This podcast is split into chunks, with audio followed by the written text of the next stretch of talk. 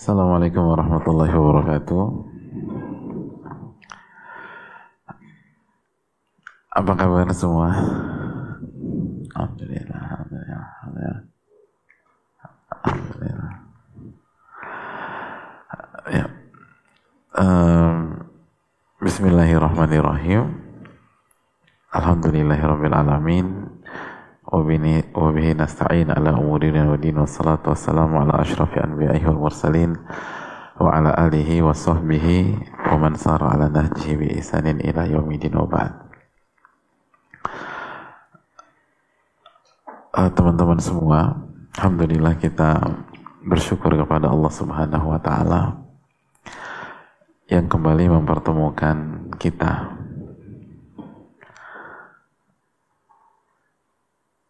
dan kita meminta pertolongan kepada Allah agar memberikan ilmu yang bermanfaat dan marilah kita memperkuat syahadatain kita asyhadu an la ilaha illallah wa anna muhammadan rasulullah tidak ada ilah yang berhak diibadahi kecuali Allah dan Nabi Muhammad SAW adalah hamba dan utusannya. Maka marilah kita mengucapkan salam dan bersalawat kepada Nabi kita Sallallahu Alaihi Wasallam. Hadirin yang Allah muliakan,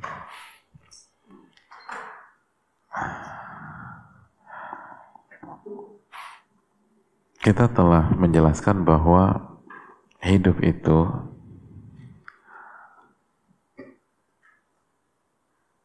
secara umum isinya tentang keberhasilan dan kegagalan.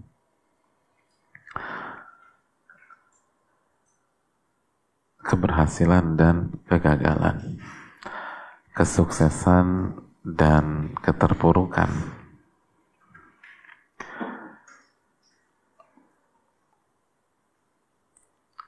Berhasil dan gagal tidak bisa dipisahkan dengan diri seorang anak manusia.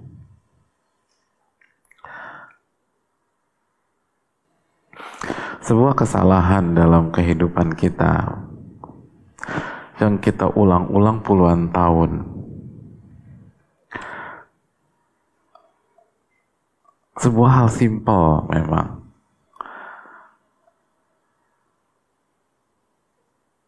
Yaitu kita itu ketika berhasil dalam kehidupan dunia, ketika mendapatkan sebuah hal, meraih pencapaian, mendapatkan yang kita inginkan, berhasil menikah, atau berhasil lulus, atau apalah, atau anak kita jadi anak yang baik, anak yang soleh dan soleha, maka kita terlalu terfokus untuk gembira. Ya, sebatas gembira. Aku senang banget gitu biasa kita ngomong. Hari ini aku bahagia. Hari ini aku merasa jadi seorang ibu Aku senang.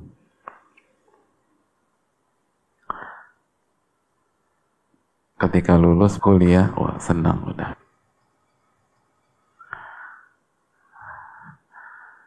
Lamarannya diterima, tambah senang lagi.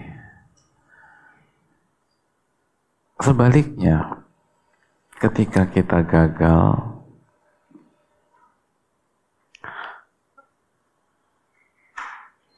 kita lebih fokus untuk bersedih. Sedih gitu kalau kita gagal. Kayaknya aku gagal deh Pak Ustadz jadi seorang ibu.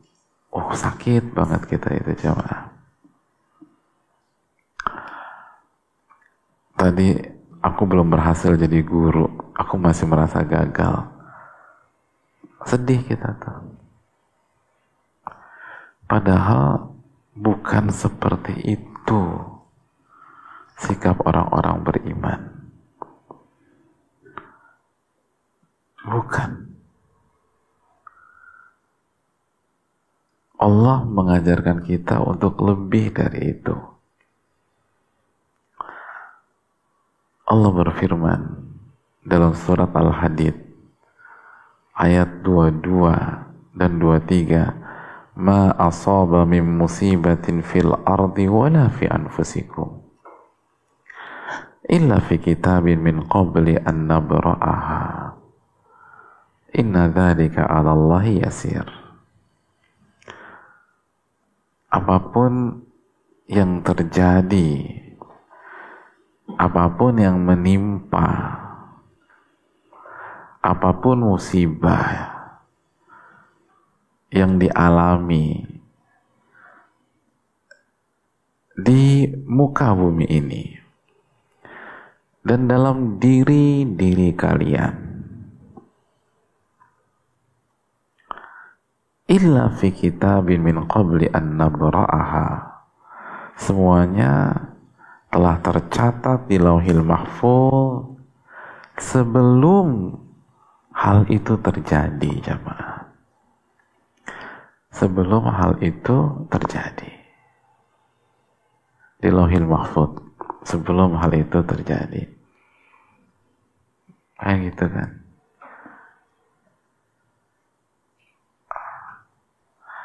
Ketika anak kita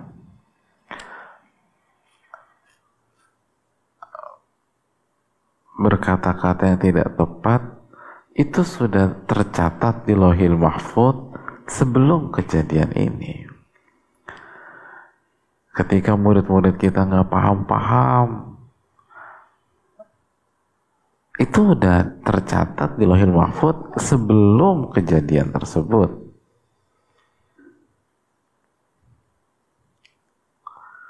Dan itu harus kita imani jamaah. Sangat mudah untuk Allah berbuat seperti itu. Harus kita imani. Nah, buah dari iman itu apa sih? Apa yang membedakan ketika seseorang beriman kepada takdir bahwa ini sudah dicatat dengan orang yang nggak beriman kepada takdir? Jawabannya ada di ayat berikutnya. Likaila ta'sau ala ma fatakum. Wala tafrahu bima atakum agar kalian tidak putus asa. Agar kalian tidak terlalu bersedih terhadap apa yang kalian gagal dapatkan.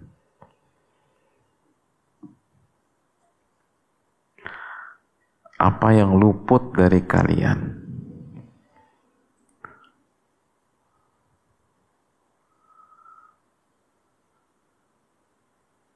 Dan kalian tidak terlalu gembira ketika mendapatkan keinginan kalian.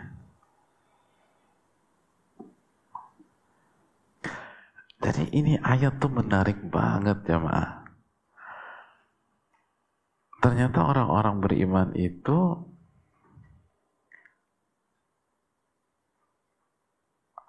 dididik oleh Allah untuk tidak terlalu bersedih ketika gagal. Ketika nggak dapat apa yang dia inginkan. Sebagaimana orang beriman itu nggak dididik untuk terlalu gembira ketika mendapatkan yang dia inginkan, ketika berhasil, ketika punya anak, ketika bisa nikah, ketika bisa buat sekolah, ketika bisa mencetak murid yang baik, murid yang pintar, ketika punya anak, Jadi ketika punya anak tidak terlalu gembira, ketika nggak punya anak atau program gagal juga nggak terlalu bersih, biasa-biasa aja. Ketika kaya nggak terlalu gembira, biasa-biasa aja. Ketika gagal jatuh miskin juga nggak sedih-sedih juga, biasa-biasa aja. Gitu. Ketika ibu-ibu minta izin nggak diizinkan suami, nggak terlalu sedih. Ketika diizinkan, nggak terlalu gembira juga, biasa-biasa aja. Sebagaimana suami ketika memerintah istrinya nggak mau nurut, nggak nggak jatuh, nggak terlalu sedih. Begitu dapat istri yang penurut, nggak terlalu gembira juga. Ah itu orang-orang beriman. Itu poinnya. Makanya ketika umat Islam quote and quote kalah di perang Uhud. Masih ingat nggak perang Uhud jemaah? Jadi kan perang Uhud tuh kita menang apa kalah jemaah? Secara bahasa orang awam itu kita kalah. Bahasa orang awam.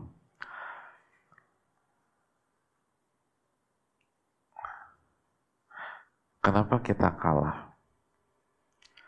Karena salah satu faktor utamanya pasukan pemanah khilaf dan tidak ikut instruksi Rasul Shallallahu Alaihi Wasallam. Nah, jadi ada gambaran ya bagaimana kondisi pada saat itu.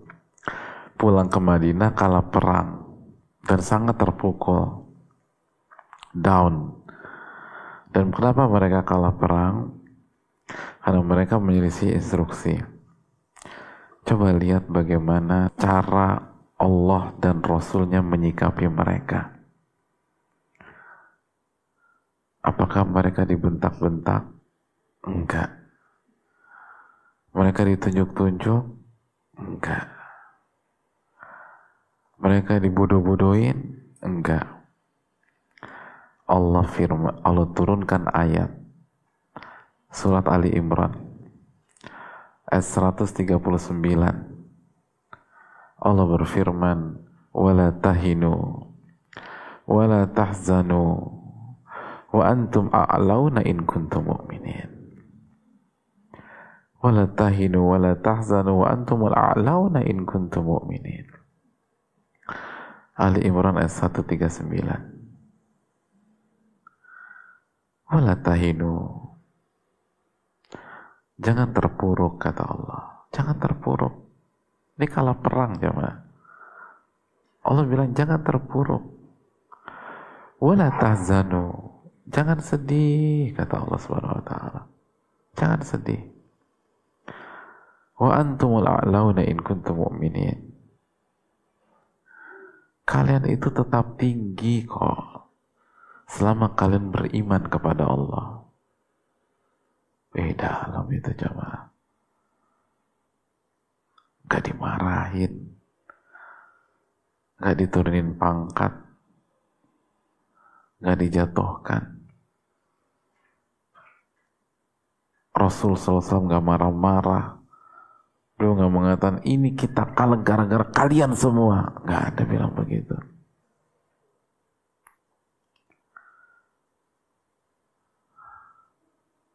Justru dihibur. Wala tahinu jangan terpuruk dan jangan sedih. Lihat korelasinya dengan Al-Hadid ayat 22-23 tadi. Kaila sau ala ma fatakum agar kalian tidak terlalu sedih dan putus asa kalau tidak mendapatkan sesuatu dan tidak sen, tidak tenggelam dalam euforia kesenangan ketika mendapatkan sesuatu.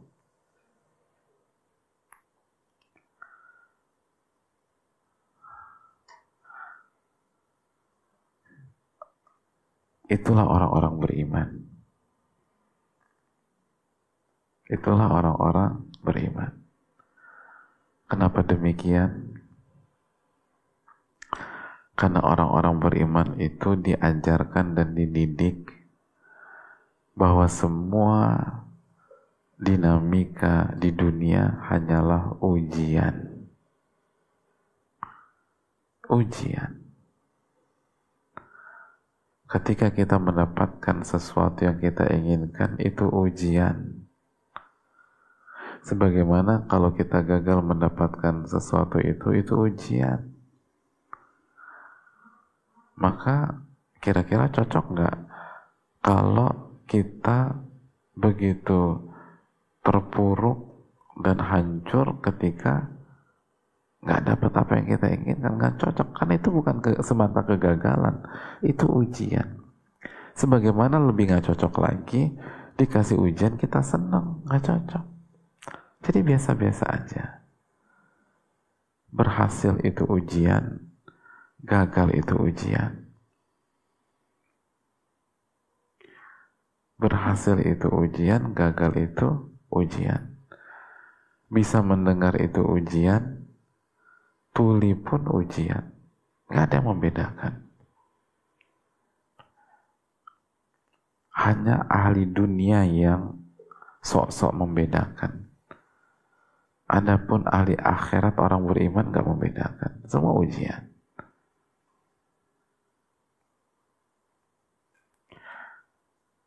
Maka perhatian orang-orang beriman bagaimana ini penting. Bagaimana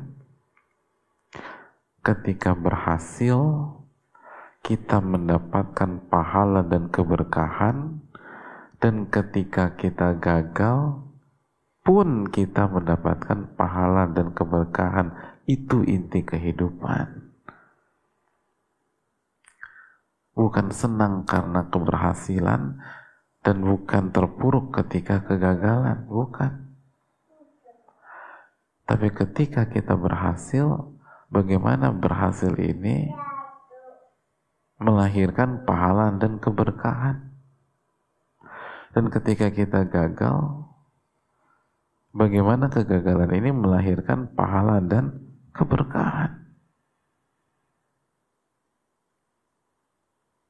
Gitu. Ketika kita sudah ngajarin anak-anak didik kita udah jungkir balik kita ajarkan eh mereka nggak paham-paham juga. Kita merasa gagal sebagai seorang guru. Jangan berhenti sampai di situ. Mikir bagaimana kondisi ini menjadikan saya banyak pahala dan keberkahan oh berarti saya harus sabar saya harus sabar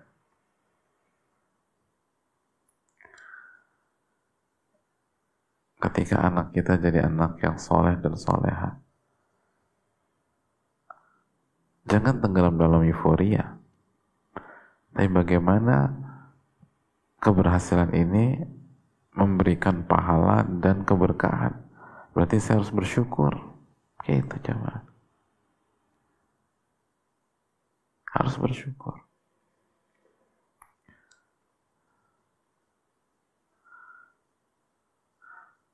Ketika kita berharap istri kita ke kanan, tapi dia ke kiri.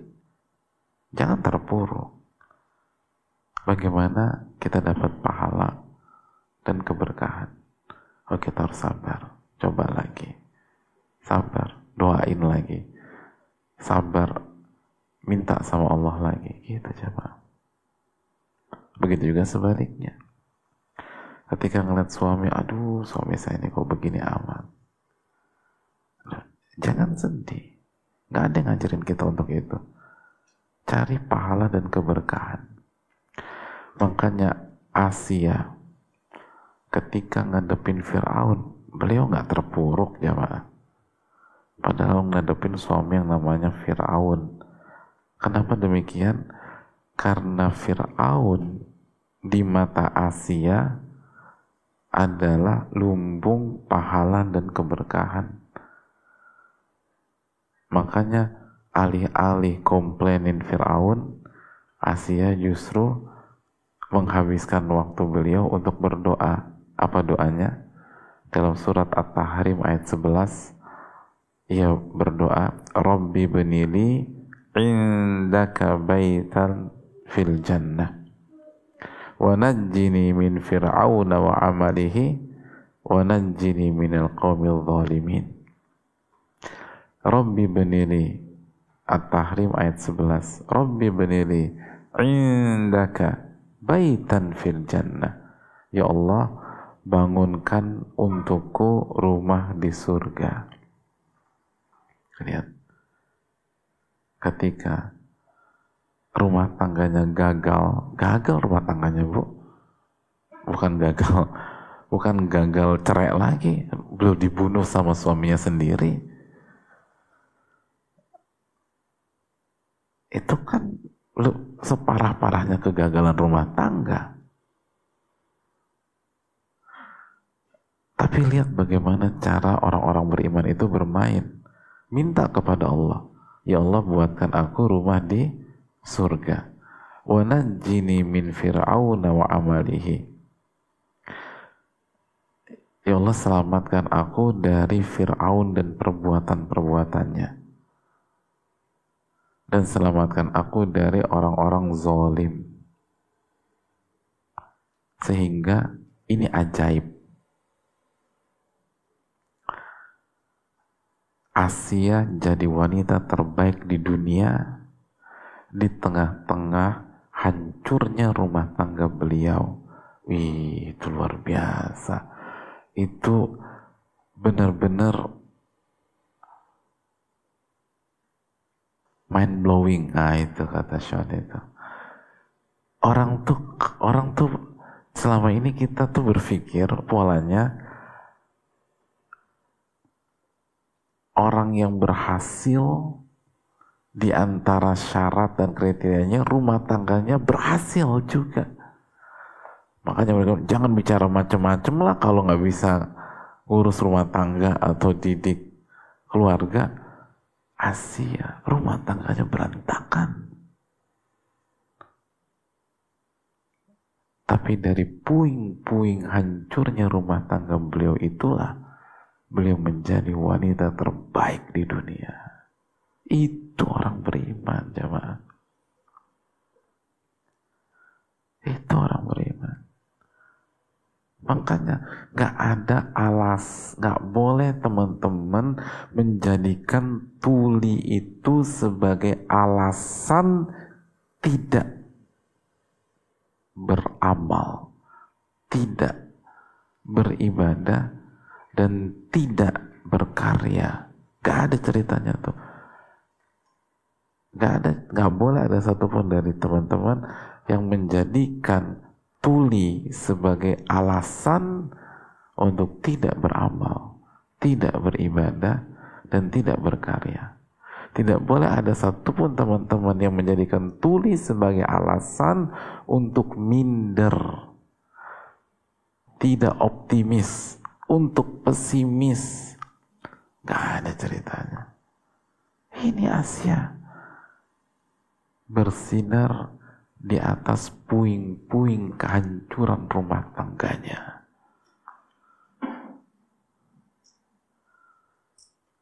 Lihat orang yang gak beriman akan meratapi aku gagal jadi istri. Harusnya kan gitu kan? Aku gagal jadi istri aku gagal membangun rumah tanggaku.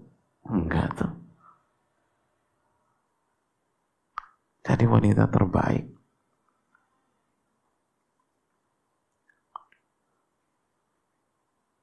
Ini yang harus kita camkan lah teman-teman. Makanya kan gini loh, kita ini jadi masalah dari dari kecil udah salah membangun tolak ukur. Contoh, kalau kalau di dunia belajar nih, misal dunia murid, kalau gurunya senang, eh, kalau gurunya muji kita senang. Kalau gurunya marah, kita sedih. Ini kan salah persepsi. Harusnya kan gurunya muji, cari pahala dan keberkahan dari pujian tersebut. Gurunya marah, cari pahala dan keberkahan dari marahnya guru. Gitu harusnya. Itu yang konsep yang benar. Kita ini kebalik, kebolak-balik. Orang tua muji kita, gimana dapetin pahala dan keberkahan dari pujian orang tua? Orang tua marah besar, bagaimana mendapatkan pahala dan keberkahan dari marahnya orang tua? Emangnya bisa Ustaz? Ya bisa lah. Dengan cara apa? Taubat. Minta maaf. Intinya itu, ini kan ujian. Untuk mendapatkan keberkahan dan pahala.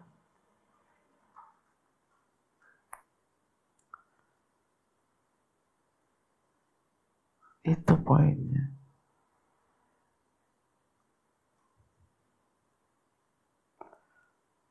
Kita wali murid komplain kita sedih, merasa nggak dihargai. Itu tuh, itu ciri-ciri orang nggak ikhlas. Orang beriman itu wali murid datang komplain, kita berpikir bagaimana mendapatkan pahala dan keberkahan dari komplainan nih wali murid evaluasi diri, istighfar, taubat, perbaiki kinerja, pahala, keberkahan. Gitu.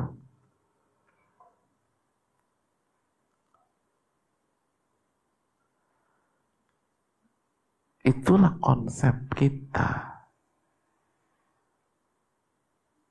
Makanya enak jadi orang beriman. Gagal itu nggak sedih. Bahkan dihibur sama Allah Subhanahu wa taala wala tahinu wala tahzanu wa antumul a'launa in kuntum mu'minin. Kita udah baca ayatnya tadi. Jangan terpuruk, jangan sedih. Kalian itu mulia. Kalian itu tinggi jika kalian beriman kepada Allah. Biasa aja. Lihat Nabi SAW ketika menjenguk Umul Allah, seorang sahabiat, seorang wanita yang sakit keras pada saat itu. Alih-alih tenggelam di dalam samudra kesedihan, Nabi SAW justru mengatakan kepada Umul Ala, Abshiri ya Umul Ala. Umul Ala, gembira dong. Kenapa sedih? Gembira. Fa inna maradal mu'min yudhibu khotoyah kama yu, kama tudhibun naru khobathal hadid karena penyakit seorang mukmin itu akan menghapus dosa-dosanya sebagaimana api akan menghapus karat dari besi. Itu itu yang harus kita camkan. Berhasil tidak terlalu gembira gagal nggak terlalu bersedih gitu orang muslim. Karena bukan itu konsep kehidupan. Kalau kita punya konsep berhasil kita senang gagal kita sedih kita akan jadi orang-orang yang rapuh rapuh benar deh. Rapuh gak kuat. Tapi kalau biasa-biasa aja. Oh ya. Eh, itu orang kuat tuh eh,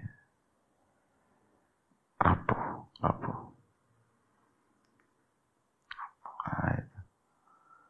Nah, Ingat semua ini tuh ujian. Kita cari pahala dan cari keberkahan. Dan otomatis kita akan bahagia. Akan bahagia. Ya, saya rasa cukup sampai di sini. Terima kasih banyak, senang bisa belajar dengan antum semua.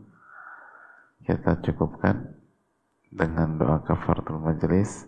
Subhanakallah bihamdika Asyhadu la ilaha anta astaghfiruka wa atubu ilaik. Assalamualaikum warahmatullahi wabarakatuh.